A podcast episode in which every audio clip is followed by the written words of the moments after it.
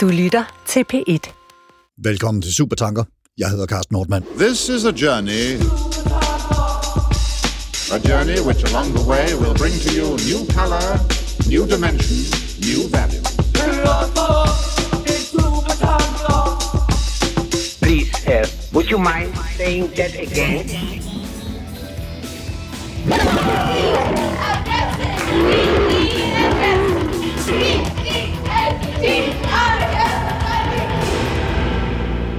Baby mine, don't you cry. Baby mine, dry your eyes. Vi ved fra Darwin, at evolutionen er foregået ved såkaldt naturlig selektion. Naturen, som vi mennesker er en integreret del af, har udvalgt de arter og egenskaber, der var bedst egnet til at overleve og have fortsat eksistens på jorden. Be ready for instant action. Prepared for anything and everything. Faktisk er det ikke Darwin, der har formuleret den der survival of the fittest. Det er filosofen Herbert Spencer, som var en stor beundrer af Darwin, og som ifølge visse kilder skrev det i 1864, formentlig efter at have læst Darwins On the Origin of Species by Means of Natural Selection, og The Preservation of Favored Races in the Struggle for Life, som udkom i 1859. Darwin overtog så Spencers beskrivelse og brugte det i den femte udgave af bogen, som udkom 10 år senere i 1869. Men altså, Preservation of Favored Races in the Struggle for Life. Bevarelse af udvalgte racer i kampen for liv. Og det har vi i mange år tænkt som noget med fysisk styrke, evnen til at besejre andre dyre og menneskearter ved hjælp af muskelkraft, stærke og skarpe tænder, måske redskaber, våben. Altså noget, kan du så lægge dig ned noget. Men nu kommer der en hollandsk historiker og siger, at det er venlighed, charme, omgængelighed, der er nøglen. Det er simpelthen de venligste, der overlever og bliver naturligt udvalgt i evolutionen. Benedikte Madsen, lektor emeritus ved Psykologisk Uni- øh, Institut på Aarhus Universitet. Velkommen til dig. Tak. Vi kommer til at tale rigtig meget i dag om den hollandske historiker Rutger Bregman, som har skrevet bogen Det gode menneske, hvorfor der er håb for menneskeheden, som udkom på dansk i 2021. Og i den skriver Bregman, en af mine livsregler er, når du er i tvivl, så tro det bedste, for i sidste ende er de fleste mennesker ret ordentlige. Hvad gør det citat øh, interessant for dig, Benedikte? Det gør det, fordi Brickman øh, antager, at den venlighed, han her snakker om, er evolutionært baseret. Og han snakker også om godhed og tillid og hjælpsomhed og uselviskhed og øh, øh uvilje mod aggression og ufred og uvilje mod ulighed og Alt, alt, alt muligt andet end det, vi er opdraget til at tro. ja, og næstekærlighed. Ja, ja. Og, øh, øh, og han antager altså, at det er evolutionsbaseret, men han har ingen evolutionsteori. Og, og jeg øh, er i gang med at videreformidle en evolutionsteori, som er, været i, som er uafhængig af Brickman og har været under udvikling i, i de sidste 30-40 år som øh, øh, er, er formuleret af Boy Katzenelson, som er øh, professor emeritus ved Psykologisk Institut, altså mit eget gamle institut også. Ja. Og, og, og den her bog, øh, som du så er i gang med at gennemskrive, tror jeg godt, vi Ja, kan sige, ja. øh, som, som Boy Katzenelson har, har øh, hvad skal man sige, formuleret, den hedder En særlig kærlig art, evolutionspsykologiske perspektiver på mennesket i dagens Danmark, og den udkommer snart. Øh, Nej, det tror jeg ikke. På et eller andet tidspunkt udkommer Ja. Vil du ikke prøve at sige lidt mere om, hvad, hvad, hvad det er for et projekt, altså hvad det er for en teori, I har udviklet der, eller Boy Katzenelson ja. har udviklet, som, som I, Jo. I er i gang med at præsentere for øh, øvrigheden? Jo, jo øh, han går meget langt tilbage, øh, øh, menneskets øh, forfædre. Jeg skal lige sige, der er nogle, nogle, nogle små væsener, der hedder homininerne. Og, og de udskilte sig fra de store aber på for 6-7 millioner år siden, havde fælles stamfar, men så kom der ligesom forskellige udviklingslinjer. Og det, der skete ret tidligt i den linje, som endte med os som mennesker, det, øh, det er der, vi skal søge svarene. For det er det, der blev videregivet til Homo sapiens. Og øh, han så har fat i reproduktion i stedet for produktion. Og reproduktion, det er jo der, hvordan øh, man, man, hvor, hvor meget yngel man får, og man kan nå at opfostre dem til, at de selv får yngel og den slags. Produktion, det er noget med redskaber. Redskaber kom meget senere end det, vi nu skal snakke om, men reproduktionen øh, er en, øh, en meget vigtig faktor i evolution, fordi øh, den der naturlige udvælgelse, som du selv øh, indledte med, den øh, selekterer i den grad for, hvad der øh, fremmer reproduktionen. Og så skal vi have fat i noget, der hedder reproduktionsfælden. Og, og det er, at ja, nogle arter, Østersen øh, sender de her millioner af æg ud i vandet og gør ikke mere med dem. Men de store aber, de øh, får kun en, en unge hver 6., 7., 8. år, og skal investere, hunden skal investere en hel masse energi for overhovedet at få den til at selv at komme i en yngledygtig alder. For, fordi vores øh, abernes og, og menneskenes børn er ret ufærdige, når præcis, de kommer ud. Ja. Lige præcis. Så, øh, og, og de har hele tiden været på kanten til udryddelse, sådan en flok. Fordi der skal næsten ingenting til, og så går det galt, fordi nogle ulykker eller sygdom eller sådan noget gør, at, de, at flokken ikke kan overleve. Og spørgsmålet er, hvad gjorde evolutionen? Øh, kunne, den, kunne den, som ikke har en intention, men kunne den løse det her på en, en eller anden måde? Og det gjorde den ved en art, eller nogle arter, som fik flere unger i rap. Øh, og der, var det, er det menneskene så, eller hvad? Ja, der endte menneskene. Men ja. altså, nogle af vores forfædre kunne det der. Det er nogen, som rejste sig på to ben øh, for de her 6-7 millioner år siden. Det, der skulle til for, at de undslap den her øh, øh, reproduktionsfælde, var en hel masse ting, og dem skal jeg ramse op. Men først og fremmest skulle de ændre den, øh, de seksuelle både øh, øh, øh den måde, man, øh, øh, altså programmerne eller cykluserne, og også det mere mentale.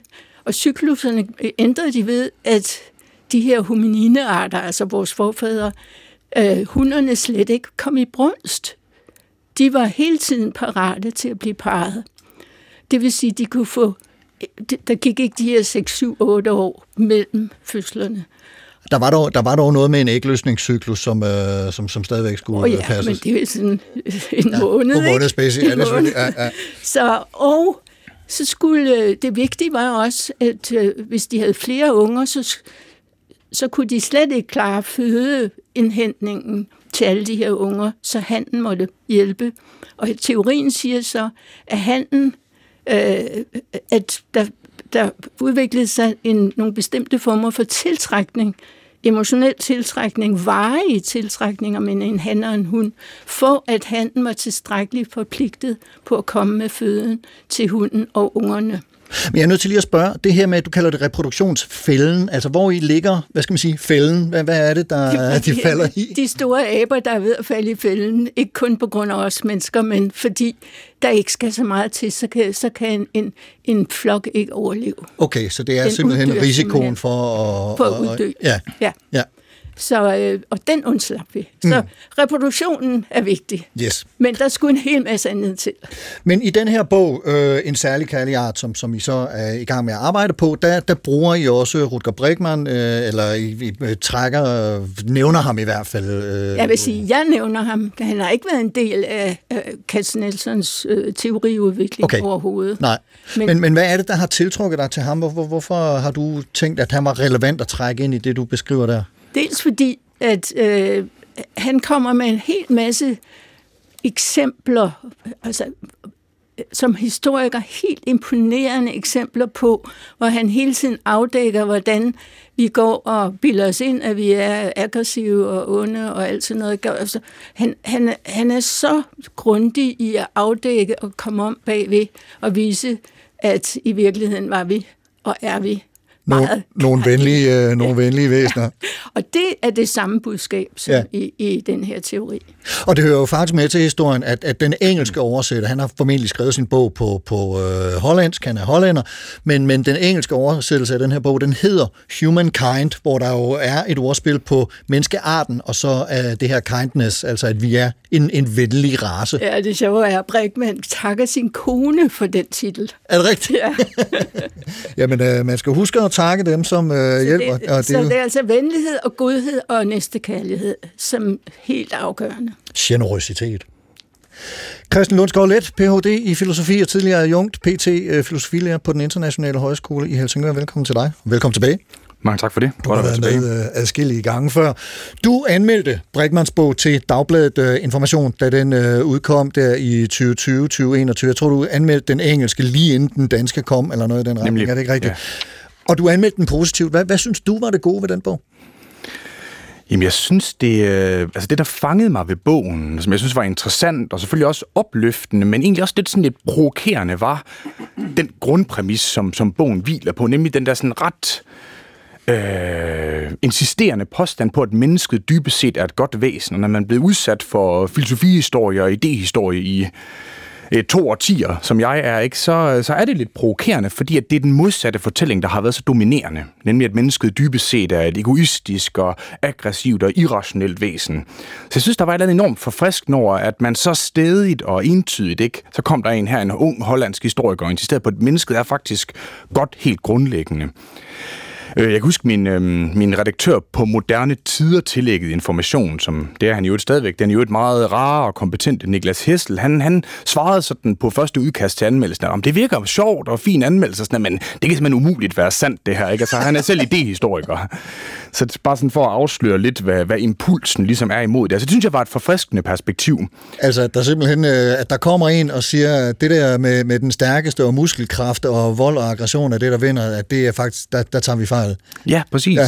Så, så hører der måske den øh, side øh, historie med, at, at altså, undertitlen er A Hopeful History, og noget i samme stil på dansk, hvorfor der er håb for menneskeheden. Og Ja. Jeg har selv ligesom øh, øh, brudt mit hoved med en phd afhandling om håb på filosofi, så i sådan mere eksistensfilosofisk perspektiv. Men det der med, at der kommer en, som så aggressivt ikke, og offensivt insisterer på, at der ligesom er håb helt grundlæggende, synes jeg også var for mig øh, en måde, at det fangede min interesse. Og, og, og det, der tiltrak dig til Brinkmann, har du fortalt mig, var, at du havde set ham i øh, nogle videoklip øh, på, på forskellige øh, sociale medieplatforme og, og, og alt muligt andet. Øh, noget fra Davos og, og et klip med øh, nyhedsverden Tucker Carlson. De klip skal vi høre lige om lidt. Vi kan jo af gode grunde ikke øh, se dem her, men øh, det kan man se på, på blandt andet YouTube. Kan du ikke lige fortælle, dig, fortælle lidt om din, din oplevelse af at møde dem? Altså, hvad, hvad, hvad var det, der skete? Jo, altså det var ligesom øhm, et års tid, inden jeg kastede mig over og læse og anmeldte den her bog, så blev jeg opmærksom på øh, Bregman ligesom som en slags offentlig figur, fordi han inden for få uger i starten af 2019 blev inviteret til at optræde på øhm, altså World Economic Forums øh, Davos topmøde, og så få uger senere var i Tucker Carlson Tonight, altså sådan et Fox, Fox News øh, debatprogram, eller hvad vi nu skal kalde det. Og der synes jeg, at han virkelig, altså træder i karakter, når man ser de der klip. Nu vil jeg ikke gå i detaljer, fordi du afspiller noget om et øjeblik, men altså som den her store, meget karismatisk, meget polemisk øhm, figur, der sådan set møder op i Davos, og så fortæller hele verdenseliten, at det er så dybt hyklerisk, I fløjet her til privat fly, og så snakker om, hvor lykkelig al jeres øh, filantropi er, fordi der virkelig vil hjælpe er at gå i kødet på skatteunddragelse, og så bare betale en fandens meget mere i skat, når man har så mange penge, som I har. Mm. Og så altså senere Tucker Carlson, som ligesom tror, de skal være venner, ikke? Men så også, prøv at du er bare en øh, overklasse millionær, sponsoreret af milliardærer, ikke? Øhm, Ja. Og, og, og, og hvad var det ved det, der, der, der tændte dig, hvor du tænkte, hold da op, ham her, han er, ham kan jeg godt lide. Jamen, altså nok i hvert fald et eller andet med, at jeg synes, at han meget sådan frygtløst og direkte evnede at sige tingene, som de er. Der er måske sådan lidt en arbejdsmiljøskade ting, når man har læst på universitetet i meget lang tid, at tingene kan altid kompliceres yderligere, nuanceres yderligere. Man bør tage nogle forbehold, og så ligesom træder der en ind meget sådan råt for usødet og uden en masse mellemregninger. Prøv at høre, i skal bare betale noget mere i skat. Og det synes jeg egentlig var ret forfriskende, også fordi jeg nogle gange synes, det kan være utroligt, den der, altså træde ud af den der ekspertrolle, hvis man har læst en masse bøger, og bare, ja, tale sådan magten midt imod så direkte, øh, fandt jeg egentlig ret beundringsværdigt. Hmm. Lad os prøve at høre, hvad det er, han siger.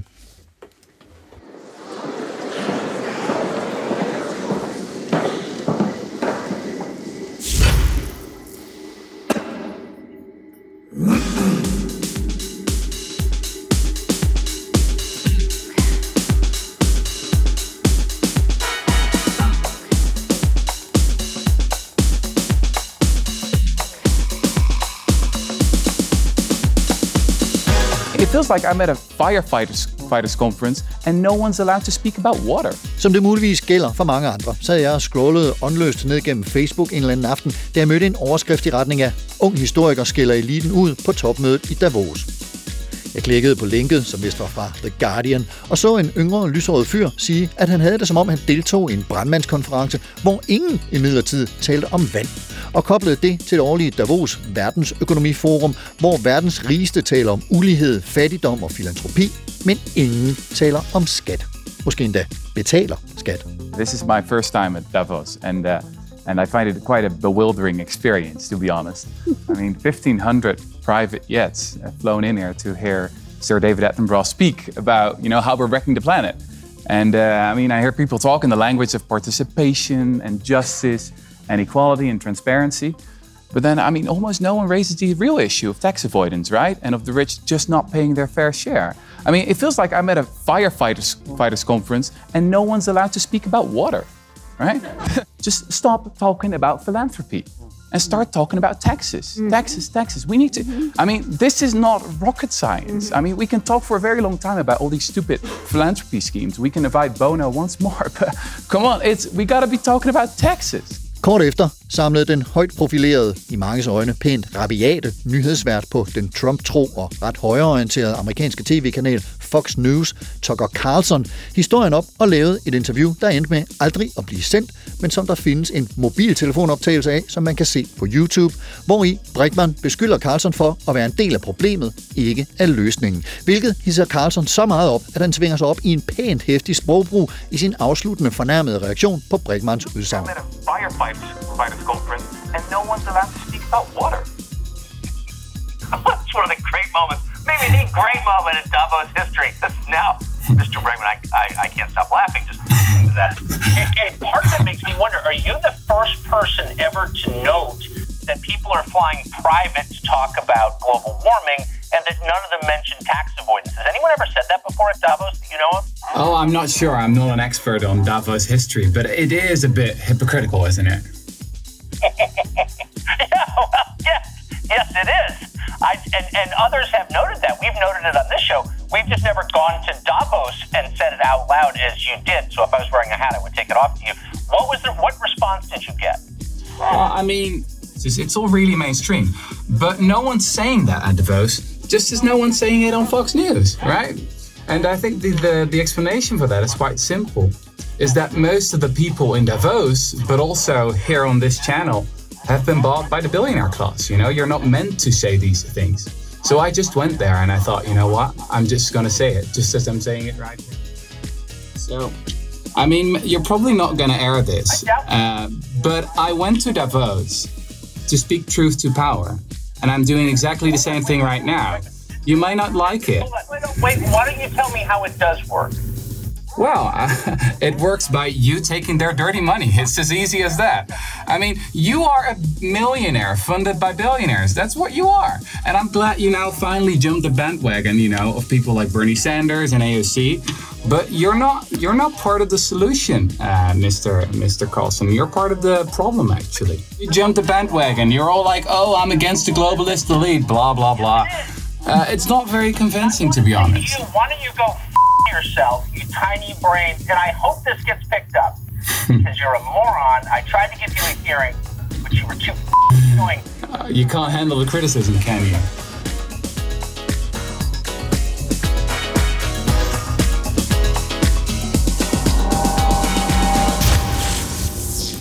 Ja, han lægger ikke øh, fingre imellem den gode øh, Tucker Carlson her.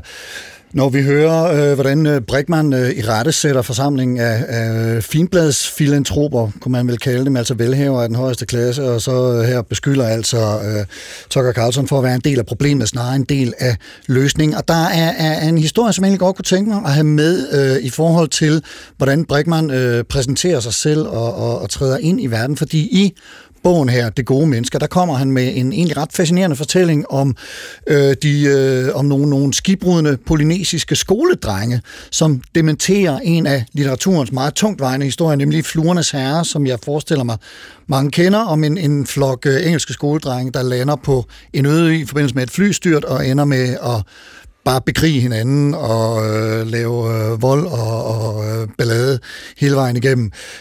Du markerer, øh, Benedikt, jeg skal lige spørge Christen først, for, fordi øh, den her fortælling om, om øh, de polynesiske skoledrenge, kan, kan vi lige øh, sådan hurtigt rise den op? Ej, må jeg ikke lige komme ind, fordi Fluernes Herre, det er fiktion. Det er det, ja. Og, og, og de polynesiske drenge, det er dokumentation. Og det er lige præcis det, der er pointen, at han netop dokumenterer, at, at, øh, at, at, at vi opfører os ordentligt frem for af helvede til, når vi lander på en øde ø, eller i hvert fald de her drenge gør. Vil, vil du prøve at tage den derfra, Christian?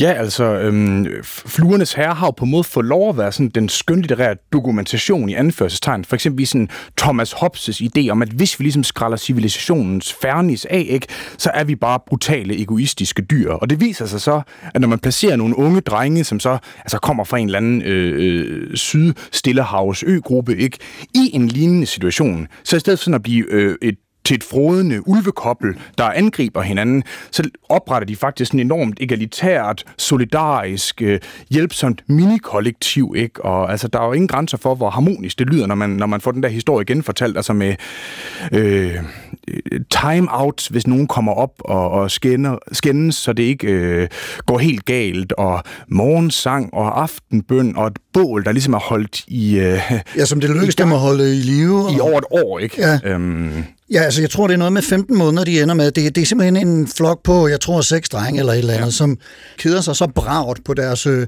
katolske kostskole på en eller anden øh, sydhavsø, polynesisk sydhavsø, Ja, sted netop, og som stjæler en båd fra en fisker, som de ikke bryder sig særlig meget om, fordi nu vil de bare øh, stikke af, og så glemmer de lige at tjekke vejrudsigten og forskellige andet, og pludselig så øh, driver de rundt i, jeg tror, otte døgn eller et eller andet, før de så lander på ja. en meget... Øh, ikke særlig velkommen ø. Jeg tror, at den bliver beskrevet som sådan en, en klippeø, hvor det faktisk kan være lidt svært at, at, at finde fodfæste altså, ikke særlig paradisisk. nej, nej, på nogen måder.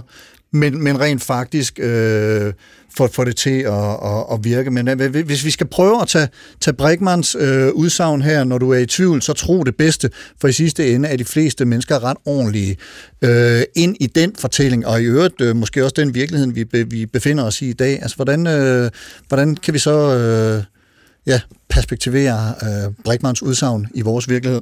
Øhm, ja, altså øh, måske vil jeg lige starte med en kommentar til, øh, også til Benediktes kommentar før. Endelig, ikke, at der, øhm, altså det der med, at de forsøgte faktisk at lave en dokumentarfilmversion af den der øh, oprind, den egentlige historie, altså den virkelige fluernes her, hvor det faktisk ender med, at de opfører sig ordentligt. Og det mislykkedes, blandt andet fordi, som jeg husker det hos Bregman, at det er på en måde så udramatisk at, og kedeligt, at folk faktisk er ordentlige, at der kommer ikke så spændende en historie ud af det. Der kan vi på en måde, der er det simpelthen mere dragende, den der fluernes herre fortælling om, at vi alle sammen bliver til dæmoner, ikke? Mm. Så snart civilisationen ryger af. Nå, men øhm, altså, Jamen, nej, lad mig lige følge den ja. Ja. op, fordi er det, er, er er det det, tror du, eller tror vi, der tiltrækker os til de der, den stærkeste overlevende, øh, overleverfortællinger om, at der, der skal helst være noget konflikt og noget, noget voldsomhed, for at vi bliver tiltrukket til det, og, og det der med, at vi i virkeligheden er gode, det er bare for kedeligt, eller hvad? Er det, er det, øh, er, er det en... Øh, ja, du Jeg er enig, og hvis jeg tager mig selv, hvad er det for nogle overskrifter, jeg først rammer, Ja. øh, tager fat i på i en avis for eksempel, fordi jeg læser stadig aviser. Øh, det er ulykker, øh, svig af en eller anden art, det er alt det negative. Ja. Og, og han har også nogle pointer om, at øh, jeg tror, man kan vise, at der er, som han påstår, at der er et eller andet i vores hjerne, som gerne vil have der, hvor der sker noget, Ja. ja. der er konflikt. Men kan, men kan du øh, pege noget af det her nogle steder hen, øh, Christen? Også øh, hvis, hvis vi prøver at trække noget filosofi ind, bare sådan øh, indledningsvis. Men altså, nu ved jeg jo, at vi kommer mere eksplicit til Hobbes og Rousseau, som på en måde er grundkonflikten. Ja. Men hvis vi tage en meget sådan kort version af det, så er det vidderligt øh, en meget sådan magtfuld, dominerende tradition, han skriver sig op imod. Altså, den, den politiske filosofi, his, øh, filosofis historie starter meget hos øh, Platon i den store øh, dialog om retfærdighed, og der møder man altså Sokrates som sådan retfærdighedens repræsentant over for hans sofistiske samtalepartner Thrasymachos, som allerede siger det der med, prøv nu at høre, de der det er noget ammestuesnak, det er nogle floskler, det er en skåltale om retfærdighed. I virkeligheden er det bare magtkampe og interesser, der driver det hele. Ikke? Kristendommen har sin egen version om mennesket som grundlæggende syndigt og egoistisk, som har behov for øh, tro og øh, Gud for at klare skærene, ikke? Og så altså i den moderne filosofi har vi især øh, den italienske renaissancefilosof øh, Machiavelli, Ja, øh, hvis øh, berømteste bog er Fyrsten, ikke? Og så altså...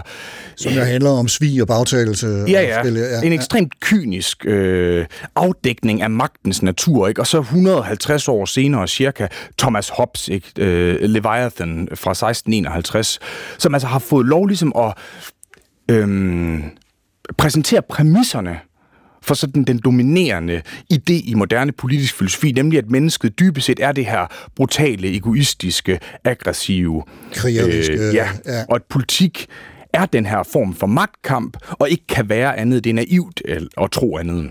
Men, men, men det er så også det formentlig, der har fået os til at hægte os på, øh, i hvert fald den opfattelse, eller den læsning af Darwin, som handler om, at det er den stærkeste, der overlever. Det er den, som har den, den største muskelkraft og, og, og den bedste evne til at holde de andre stangen på en eller anden måde. Øh, Er, der- er, der, er der noget, den her survival of the fittest over for, hvad vi kunne kalde survival of the kindest, hvis vi tager Brickman? Hvad, hvad er, øh, hvad, hvordan kan vi ligesom stille den, det modspil op? Oh, jeg, det ved jeg ikke lige. Nej. Men, øh, men, Men hvis vi skal kigge på så, hvad det er, du, du, hvis, hvis du skal prøve at udlægge, hvad du tænker, det er, Brickman vil, hvad er det, han gerne vil vise os, hvad er det, han fortæller os? Men han vil fortælle os, at vi går og tror, at vi er onde og, og aggressive og krigeriske osv., og vi er lige det modsatte. Ja. Men jeg er nødt til at sige en ting, at vi er også onde og aggressive og krigeriske. Det er ikke sådan, og, og det har han måske ikke så meget fat i, men det har psykologien, altså også evolutionspsykologien. Det er ikke sådan, altså vi har alle mulige dispositioner ja. med os fra, fra evolutionen. Det er bare spørgsmålet om, hvad der er det primære, og hvad der er det sekundære. Og, og Cass Nielsen taler om, at vi er asymmetrisk funderet ved, at det gode, det kærlige osv. er det primære. Ligesom, og vi kommer til Løstrup, ligesom han vil sige, det er det suveræne. Ja, Og så er der alt det andet, så, og som Løstrup siger, øh, ondskaben snylter på godheden. Ikke altså? Altså inden for din verden, psykologien, der er der jo nogle ret øh, berømte eksperimenter, som øh, vi også har været omtalt her i Supertanker adskillige gange, nemlig det, der hedder Stanford-eksperimentet, som er sådan et fængselseksperiment, øh, som bliver udført af en psykolog, der hedder Zimbardo, og så er der det meget berømte øh, forsøg, der hedder, øh, af en psykolog, der hedder Milgram, som handler om, at nogen adlyder et, et, et påbud og giver nogle andre mennesker stød. Ja. Og, og, og det går Brickman jo øh, ret imod. Også det går han imod. Øh, må man sige. ja, Ja, især øh, Zimbardo, som han kalder et fup- fupnummer. decideret fugtnummer. Ja, ja. Og det må man sige, at han virkelig øh, har meget, meget gode argumenter for. Ja. Meget gode. Og jeg, altså, Zimbardo har ikke fyldt noget i min... Øh, altså, jeg, jeg er socialpsykolog, og den, det, det er egentlig ikke fyldt meget, men Milgram har fyldt, fyldt meget. Ja. Og det, jeg har hæftet mig ved, ved, ved øh, Bregmans øh, tolkning af resultaterne, fordi han er inde på, at der faktisk der er noget om snakken. Det er gentaget mange gange, men han siger, er det nu lydighed, man måler? Mm. Og han Snarere end ender snarere en hjælpsomhed. Disse mennesker vil gerne hjælpe forsøgslederne med at gennemføre deres forsøg. Okay, så, så vil nogle kynikere muligvis sige, at det er alligevel en naiv læsning. Ja ja. han stiller spørgsmålet, men det er faktisk et, et, et meget godt spørgsmål. Det er det, ja. At, at, det, er, at det er simpelthen... Øh, Det altså, så gerne hjælpe. man kan sige, at det her øh, eksperiment er jo et, der er blevet fremhævet blandt andet i forbindelse med Hannah Arendts beskrivelse af Adolf Eichmann-retssagen i Jerusalem, hvor Eichmann han siger, jamen jeg gjorde bare det, jeg blev bedt om, øh, og så fik jeg gasset øh, et antal millioner øh, jøder i forbindelse med Holocaust. Altså, kan, kan man kalde det, er det, er det hjælpsomhed? Det kunne man jo godt, det, da han ville hjælpe Hitler, ikke? Ja, ja. altså, så det er en bagside af hjælpsomheden, tror jeg, man skal sige. En, en, en, øh, altså, og der er bagsider ved så mange ting, ikke? Ja. Øh, men, men det er tankevækkende, at hvad var det, der egentlig øh, motiverede de her mennesker i de her forsøgslokaler? Og det jo mange forskellige ting, og det Jo, er jeg også inde på. Ja. Men, men hjælpsomhed i forhold til en forsøgsleder, som bliver ved med at sige, at det her er nødvendigt for, at det her forsøg kan gennemføres. Selvom, ja. Du markerer, Christen. Men det var bare, at i forhold til det, vi var inde på før, så synes jeg også, at altså, en ting er selvfølgelig detaljerne i, om det lykkedes Bregman at tilbagevise alle de her eksperimenter. Det er i hvert fald heller ikke, det er ikke ligesom mig, der kan afgøre det. Men han, han synliggør, uanset hvad, synes jeg, at at mennesket har den her fascinationskraft over for at få demaskeret, at vi igen, når civilisationens fernis bliver krasset af, bare er nogle brutale dyr. Lige så vel som at nogle af de her undersøgelser, uanset om de så er uunderbygget eller ej, og det synes jeg egentlig, han, taler for, at et, en række af de eksperimenter, han henviser til, er, så er der nogle magthavere, der sidder sted og har en interesse i at promovere de her undersøgelser og bygge hvad kan man sige, kontrollerende ja. politikker op omkring det. Så der er altid et eller andet andet end videnskaben, der er med til at bestemme, hvad den dominerende videnskab bliver, også i forhold til de her øh, eksperimenter. Og det- medierne, og medierne, og Absolut. medierne. Et sted har han så, en, det er en anden historie om bystander-effekten, noget med, om man kommer til hjælp, når nogen bliver overfaldet på gaden. Så, videre. så har han et, et eksempel, men på af en, der havde afdækket, at det var slet ikke sådan, det var, sådan som det blev beskrevet, og så gik han til den samme avis, som havde øh, promoveret den her historie, og sagt, det, det ser anderledes ud, og så havde han fået at vide af redaktøren, jamen det er jo ikke en god historie. Øh, og det er selvfølgelig sat på spidsen, men de gode historier, så er vi tilbage til, hvad er det, der fanger vores opmærksomhed? De gode historier i, i, øh, i de onde. de gode historier er de onde historier. Og øh, det skal vi lige høre lidt mere om, nemlig øh, Thomas Hobbes, som øh, Christian har nævnt et par gange, og det kommer her.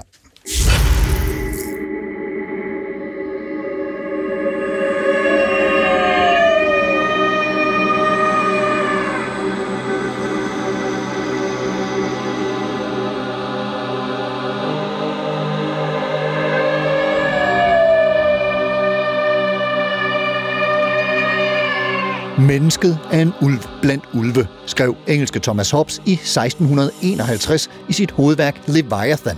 Et værk, der beskriver naturtilstanden blandt mennesker som alles krig mod alle. En tilstand, hvor man har alle rettigheder i kraft af, at man er menneske, og en af de vigtigste rettigheder, man har, er retten til at forsvare sig selv. Der er ikke andre, der er ingen stat, der er ikke noget samfund, der er knap nok nogen familie, så du har kun det, du går og står med, det vil sige det, du kan forsvare selv. Og som både Thomas Hobbes og den lidt senere John Locke siger, har du altså absolut ret til at gøre det, der skal til for at forsvare dig selv. Hos Hobbes kan du gå lige så langt du vil. Der er ingen moral, der er ingen lov, der er ingen begrænsninger. Hos Locke er der en eller anden form for humanisme, en eller anden form for begrænsning, men strengt taget kan du gøre, hvad der skal til for at forsvare dig selv, din ejendom og dit liv. Men det, som kommer ud af det for alle mennesker, er en meget, meget farlig, ufredelig, usikker og trist tilværelse. Hvis vi kun har det, som vi kan bære rundt og som vi kan forsvare mod alle de andre, så lever vi alle sammen, som Thomas Hobbes skriver, ensomme, fattige, modbydelige, korte og brutale liv.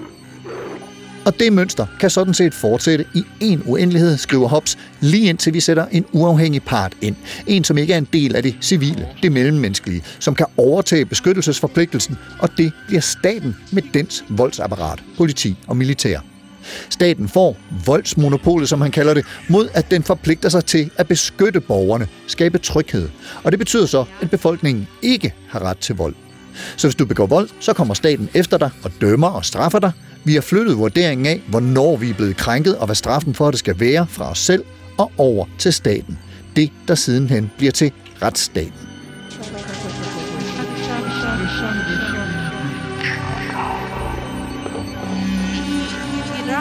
I 110 år efter Hobbes Leviathan, nærmere bestemt i 1762, udkommer svejtiske Jean-Jacques Rousseaus Samfundspakten. Det er her, vi blandt andet møder Rousseaus berømte udsagn om, at mennesket er født frit, men overalt er det i lænker. Det er, ifølge Rousseau, en uomgængelig konsekvens af den samfundskontrakt, den pagt, som vi har indgået med hinanden for at kunne sameksistere i større fællesskaber i samfund, hvor vi er andre og flere end bare os selv.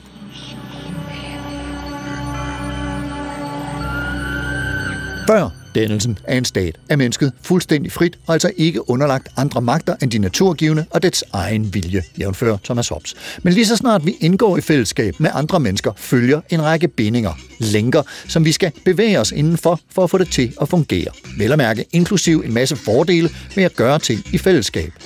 Det er malighed og tryghed på bekostning af den ultimative frihed. Men det er også en beskrivelse af samfundet og menneskene i det, som forsøger at undgå dekadence og korrumperede tendenser, og dermed opretholde og kultivere de menneskelige dyder, som Rousseau så dem. En iboende vilje til at gøre godt, opføre sig ordentligt og møde verden med kærlighed og tillid. Det er blandt andet den tænkning, der får nogen til at kalde Rousseau oplysningstidens blomsterbarn.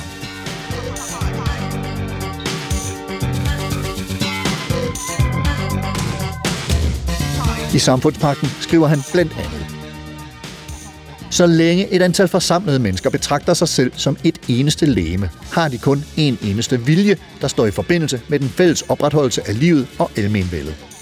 Da er alle statens embedsområder stærke og enkle. Dens maksimer er klare og indlysende. Den har ingen tågede, modsætningsfyldte interesser. Det fælles vel viser sig indlysende overalt og kræver for at blive opdaget kun sund fornuft. En stat, der styres på denne måde, har brug for meget få love, og efterhånden som det bliver nødvendigt at bekendtgøre nye, ses denne nødvendighed universelt. Citat slut. Otte år tidligere, i 1754, havde han i sin afhandling om ulighedens oprindelse og grundlæggelse blandt menneskene skrevet. Det første menneske, som indhegnede et stykke jord og kom på at sige, dette er mit, og fandt mennesker dumme nok til at tro ham, var samfundets virkelige grundlægger.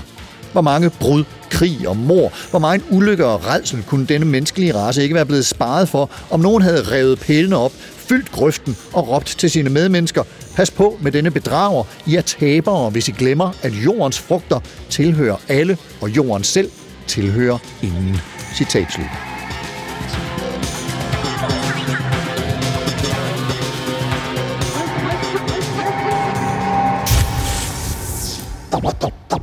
Would you saying that again? Thomas Hobbes naturtilstand som alles kamp mod alle, med det resultat, at menneskelivet bliver ensomt, fattigt, modbydeligt, brutalt og kort, hvis ikke vi overgiver voldsmonopolet til en suveræn, som kan holde alle spændingerne i ave, overfor Jean-Jacques Rousseaus langt mere fredelige og imødekommende samfundskontrakt, hvor vi netop forhandler og samtaler os frem til den rareste måde at sameksistere og fungerer i verden. Begge filosofer, som den hollandske historiker Rutger Bregman på ryggen af blandt andre Darwin og hans teorier om naturlig selektion, kan tage fat i, når han taler om, at det ikke er den fysisk stærkeste, den der er dygtigst til at undertvinge de andre, der overlever, men snarere dem, der er venligst og mest imødekommende og samarbejdsvillige, der, villige, der bliver de udvalgte. Og i sidste ende slår de voldsparate vel strengt taget også hinanden ihjel, mens de venlige og kærlige står tilbage.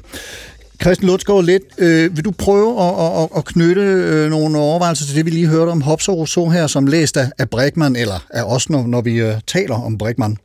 Ja, øhm, altså det, noget af det bliver så et, kan man sige, elementer af, hvad du også øh, lige har fortalt os. Ja, ja. Men altså, at der både hos øh, Hobbes og Rousseau i den her grundkonflikt på en måde er en idé om naturtilstanden, altså det naturlige menneske, før det ligesom er en del af et politisk samfund.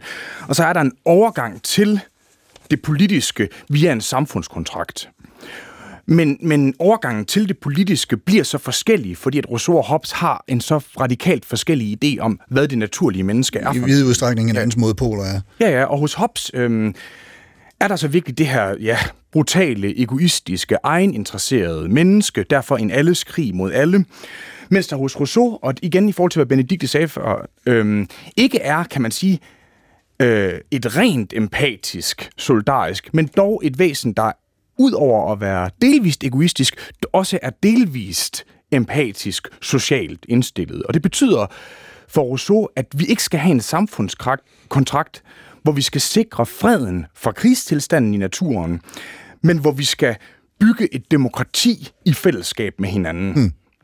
Øhm, og den, kan man sige, det der er så interessant ved Bregman er, at øh, han så entydigt og, øh, tager parti for Rousseau, som ellers har lidt ry for at være mere sådan utopisk, urealistisk, øh, romantisk, følelsesbetonet, og simpelthen siger, at jamen, det er ham, der har fat i, hvad det er for en menneskelig natur, vi skal bygge den politiske tilstand ovenpå. Og det er selvfølgelig en filosofisk tese, ikke? men den grunder også på, altså, at han simpelthen mener at kunne dokumentere, jamen altså i, i menneskehedens historie, ikke? før vi blev et øh, landbrugsdyr, ikke? der var vi sådan et eller andet nomadefolk, og vi var sådan set ret kollektive og øh, empatiske og egalitære. Og først da landbruget så opstår for 10-12.000 år siden, ikke, så kommer der ene herskere, der formår at blive på magten, og de udvikler ideologier, så de kan holde fast i magten. Og så kommer der krig i en vis forstand mellem magthaverne om... Fordi de vil eje jorden Ja, ja. og er her territoriet. Øh, men problemet er den tidligste civilisationsform, og ikke den oprindelige menneskelige natur. Og det har du en kommentar til, Ja, Benedikte? nu ved jeg ikke, hvad du mener med den tidligste civilisationsform. Er det, når, når landbruget og, og, så videre kommer ind? Ja, i hvert fald i den her version, hvor Ja. mennesket ligesom slår sig ned på et Ja. bestemt sted, men jeg er med på, at det kan man godt nuancere nu, en nu smule. vil jeg, jeg vil godt sige forskellige ting. Han nævnte ejendomsretten. Det er en ret sen øh, forekomst. Det, det er da nomadefolk øh, begynder øh, at landbruge. Ikke? Så kommer ejendomsretten ind. Den var, var ikke og er heller ikke i dag en del af jeres samler, samlersamfundenes øh, øh, det er overhovedet ikke sådan, det foregår. Og vi er nødt til, når vi skal øh, forstå mennesket som evolutionsskabt, så er vi nødt til at skelne mellem, jeg kalder det basis og overbygning. Basis, det er det, vi kommer med, har med os fra evolutionen som homo sapiens. Der er en masse overlejringer, overbygninger af kulturel art, og, og de her filosofer har fat i det kulturelle øh, produkt. Hmm. Øh, og så Rousseau har så længere, længere Ja, det lyder nede, som om, han er lidt mere fat i Ja, øh, ja. om råden, om man så må sige. og, Ja. og, og der kan være en masse mismatch mellem det kulturelle og det og basis, ikke? Ja, ja. Men, men, men basis er skabt på et tidspunkt, hvor der ingen privat ejendomsret Mm. var. Hvis vi så øh, prøver at tage den lidt videre, øh, filosofisk kristen, fra, ja. fra, fra Hobbes og Rousseau, så kan vi trække den op til, øh, vi begynder at nærme os det 20. århundrede, nemlig øh, William James og, og, hvad hedder han, øh, Russell, hvis fornavn jeg pludselig ikke kan huske. Russell. Bertrand Russell, ja. ja, tusind tak. Hvad er det, de øh, kan hjælpe os med her? Der er noget med tiltro og tvivl. Ja, altså, men måske som en lille indledende bemærkning til, hvorfor det er interessant det her. Jeg synes, det er en ganske væsentlig del af Bregmans projekt. Det er, at, at ganske vist så kommer Bregman, kan man sige, med en række facts, der ligesom dokumenterer, hvorfor han synes, mennesket er godt, og han kommer også med en masse filosofisk teori, ikke?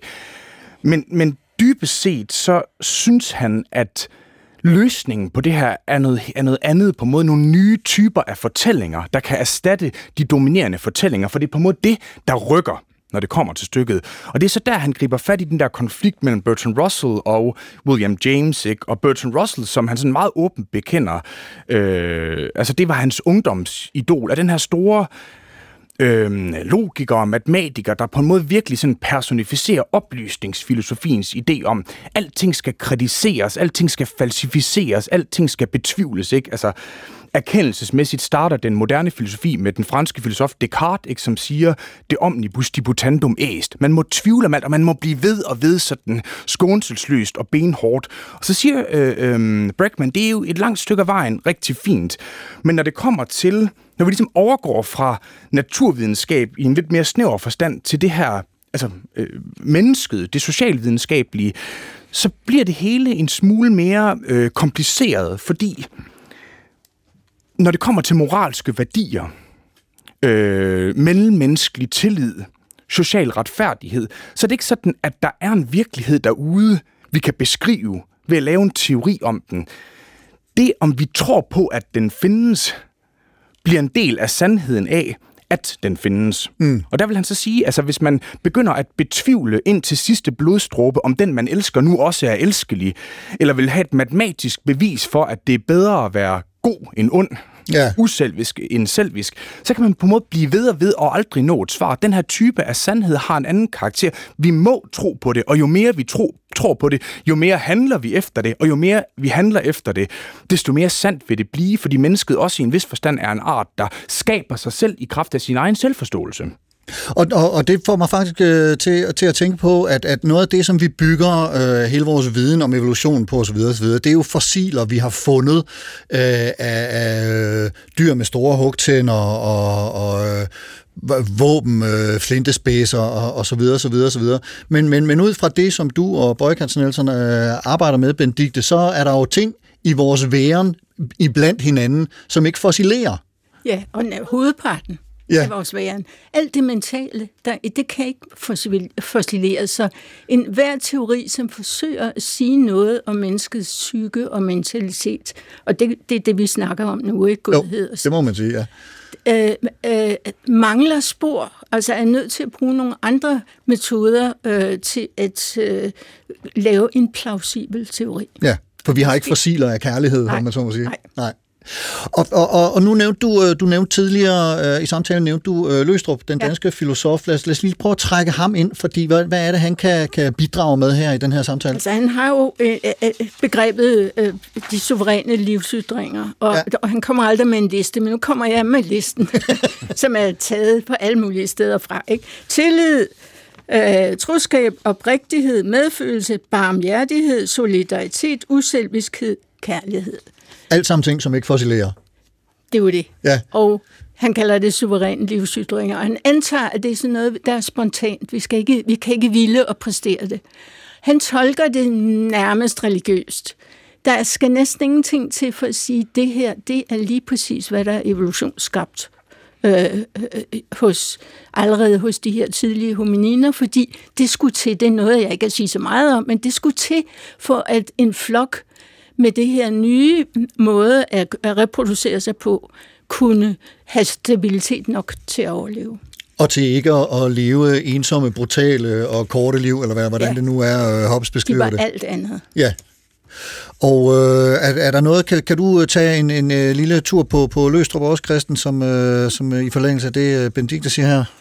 Ja, altså, jeg synes nok helt kort, ikke, så vil jeg bakke op om, at jeg synes, det er en oplagt øh, parallel at drage, ikke? fordi Løstrup virkelig også insisterer på, om det så forstås mere naturalistisk eller mere religiøst, og hos Løstrup er det tit en god blanding, at det oprindelige på en måde er det gode og det tillidsfulde, ikke den, de mere mørke sider. Jeg synes måske så, og det kan vi eventuelt vende tilbage til lidt senere, ikke, at noget af det, øh, der gør, at Bregman er tættere på øh, sådan en som Rousseau end på Løstrup i forhold til sådan hele vingefanget i det her projekt, er, at han vil insistere på, at det her også er et politisk projekt, ikke primært blot et etisk eksistentielt, altså at Øh, en ting er, hvad man gør i sit private øh, sfære, om man opfører sig ordentligt. Det vil Løstrup jo også være enig i, ikke? men han udfolder det bare ikke så meget. Noget andet er, når vi som kollektiv skal forsøge at bekæmpe de strukturer, der gør, at på en måde vores dårligste sider bliver dominerende, frem for det, der egentlig påstår han jo er vores gode natur, så skal der på en måde øh, ja, nogle politisk strukturelle løsninger til.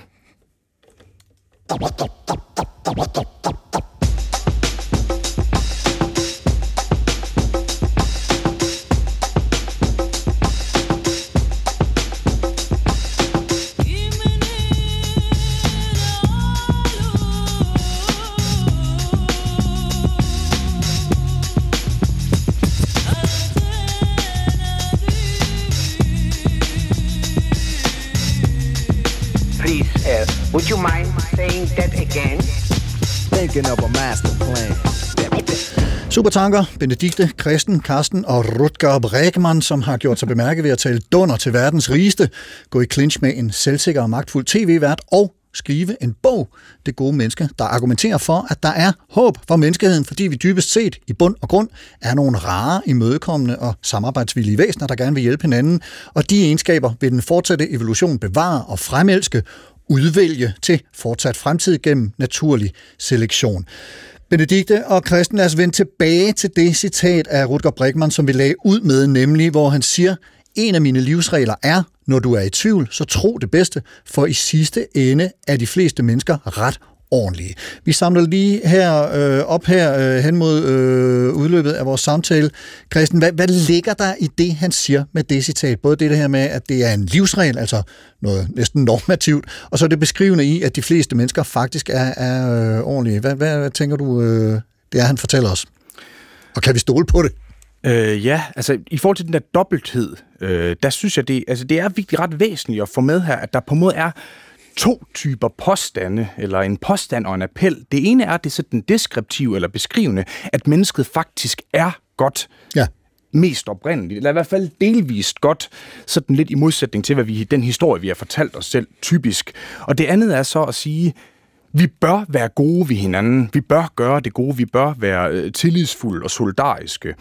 Og der synes jeg, at øhm, altså, som er det mere sådan normativ, preskriptiv del. Mennesket er vidderligt godt, en slags videnskabelig påstand, og mennesket bør gøre det godt. En slags ja. moralsk appel. Og der, der er der så, nu er lidt tilbage i det der med William James fra før, ikke? at øhm, vi er jo også et plastisk væsen med en masse potentialer, og hele Bregmans opstilling er, at vi på en måde hvis vi indser vores oprindelige godhed og handler i forlængelse af den, givet at de politiske rammer muliggør det, og at vi ikke bliver korrumperet af medier, så vil vi også gøre det mere sandt. Blive bedre. Øhm, altså hvis man skal sige det sådan lidt kirkegårdsk, ikke, så er vi nødt til at tro på det her og springe ud på de 70.000 fagne, fordi kun på den måde kan springet sådan set øh, lade sig gøre. Og hvis- jeg må blive en lille smule mere konkret, ikke? Ja, vi skal lige have tid til Benedikt også, men ja. Ja, altså du ved mere sådan, også fordi det, det er faktisk noget, han gør ret meget ud af, ikke? Altså hvad vil det så betyde i praksis, for, for bare sådan på de store, store, med de store teoretiske overskrifter, ikke? Jamen altså, behandle kriminelle menneskeligt, så vil de blive mere menneskelige. Det dokumenterer han eksempelvis i nogle norske fængsler, ikke? Øh, Det gør giv- Brinkmann. Giv, ja, det gør han. Ja. Giv mennesker demokratisk medbestemmelse, så vil de blive passionerede, engagerede samfundsborgere. Vis mennesker tillid og give dem borgerløn og en mindre arbejdsuge, så vil de leve op til den tillid. Så han er også en ret... øh, Altså, Han det har også et politisk projekt der. Det har han bestemt. Ja, ja. Benedikte. Jeg vil ned til stadigvæk til evolutionspsykologien. Yes. Og til det her bør, fordi i denne her huma- humanitas-teori, så er det det bør, som du, øh, Christen nævnte, det er, det er blevet en del af vores medfødte disposition. Det er vil givet? sige- Det er givet, Okay. at vi helt af os selv, altså i Løstrups forstand også, handler sådan, der skal ikke, og, og i hvert fald ikke i helt oprindeligt, et ydre Påbud. samfundsmæssigt øh, bør eller moralbud. Det er en indre, han kalder det indersidemoralen, øh, Bøjkes Nielsen. Mm. Så, øh, så, så tanken af det, det bør, er en del af vores natur. Det synes jeg skal med. Men, men det ligger dog stadigvæk som en eller anden form for, for normativitet indbygget i os, eller hvad? Ja, Ja. ja, alle mulige normer ligger, og også evnen og lysten og hangen til at følge normer ligger indbygget i os. Til at opføre os ordentligt. Ja. ja. Hvis vi nu skal pege det ind øh, i, i virkeligheden i dag, så står vi med en klimakrise, vi har en krig i Ukraine, en amerikansk præsidentvalgkampagne, hvor den ene af kandidaterne har en hæftig omgang sagsanlæg kørende imod sig, global økonomisk ulighed osv. osv.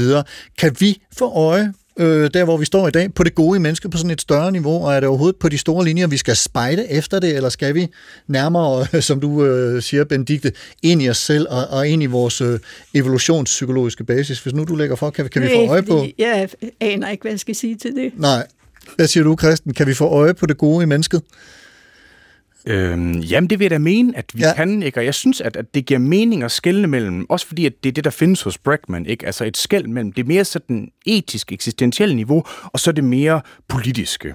Og på det mere etisk eksistentielle niveau, der kan man sige, at det giver altid mening for enhver at forsøge at være så god, som man overhovedet kan af moralske grunde. Og der vil Bregman jo så sige, i øvrigt har du gode videnskabelige grunde til også at være det, fordi at det er rent faktisk det, der svarer til menneskets natur, og du vil gøre det nemmere og mere sandt for dem, du omgiver dig selv med, også at blive en bedre version øhm, af sig selv.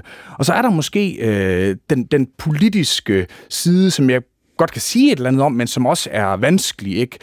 Øhm, hvad var det, du kaldte det? Inderside? Ja, moralens inderside, ja. Selv hvis det er sandt, ikke, at vores inderside er sådan et instinktivt, spontant øhm, solidaritet med andre mennesker.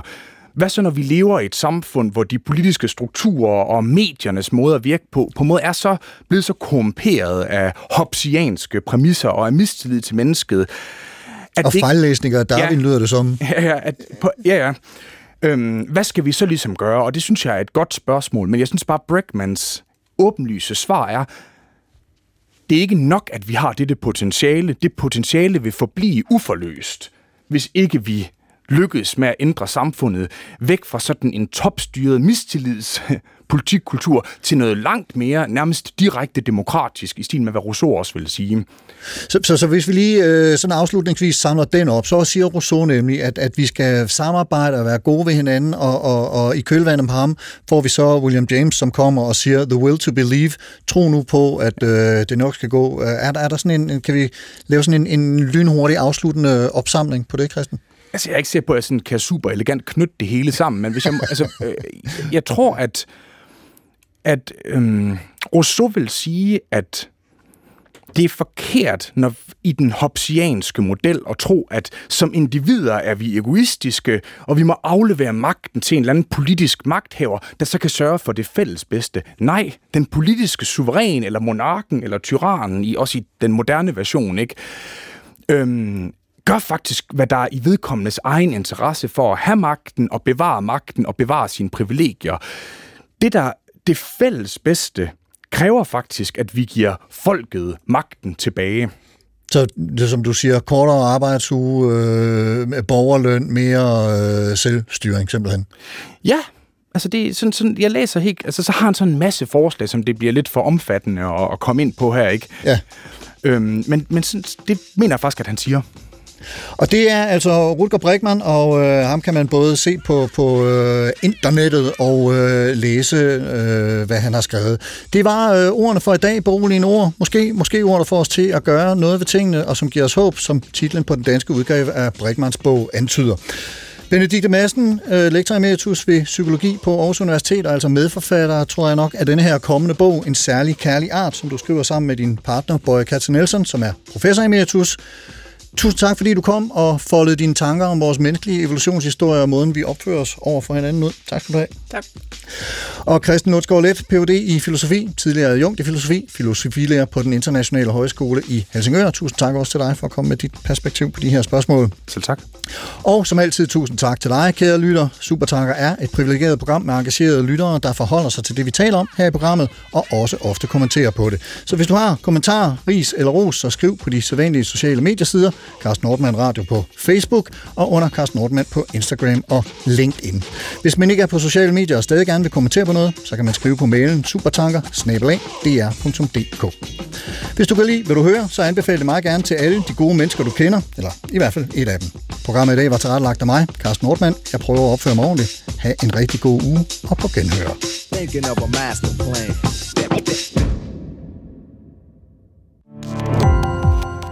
Gå på opdagelse i alle DR's podcast og radioprogrammer. I appen DR Lyd.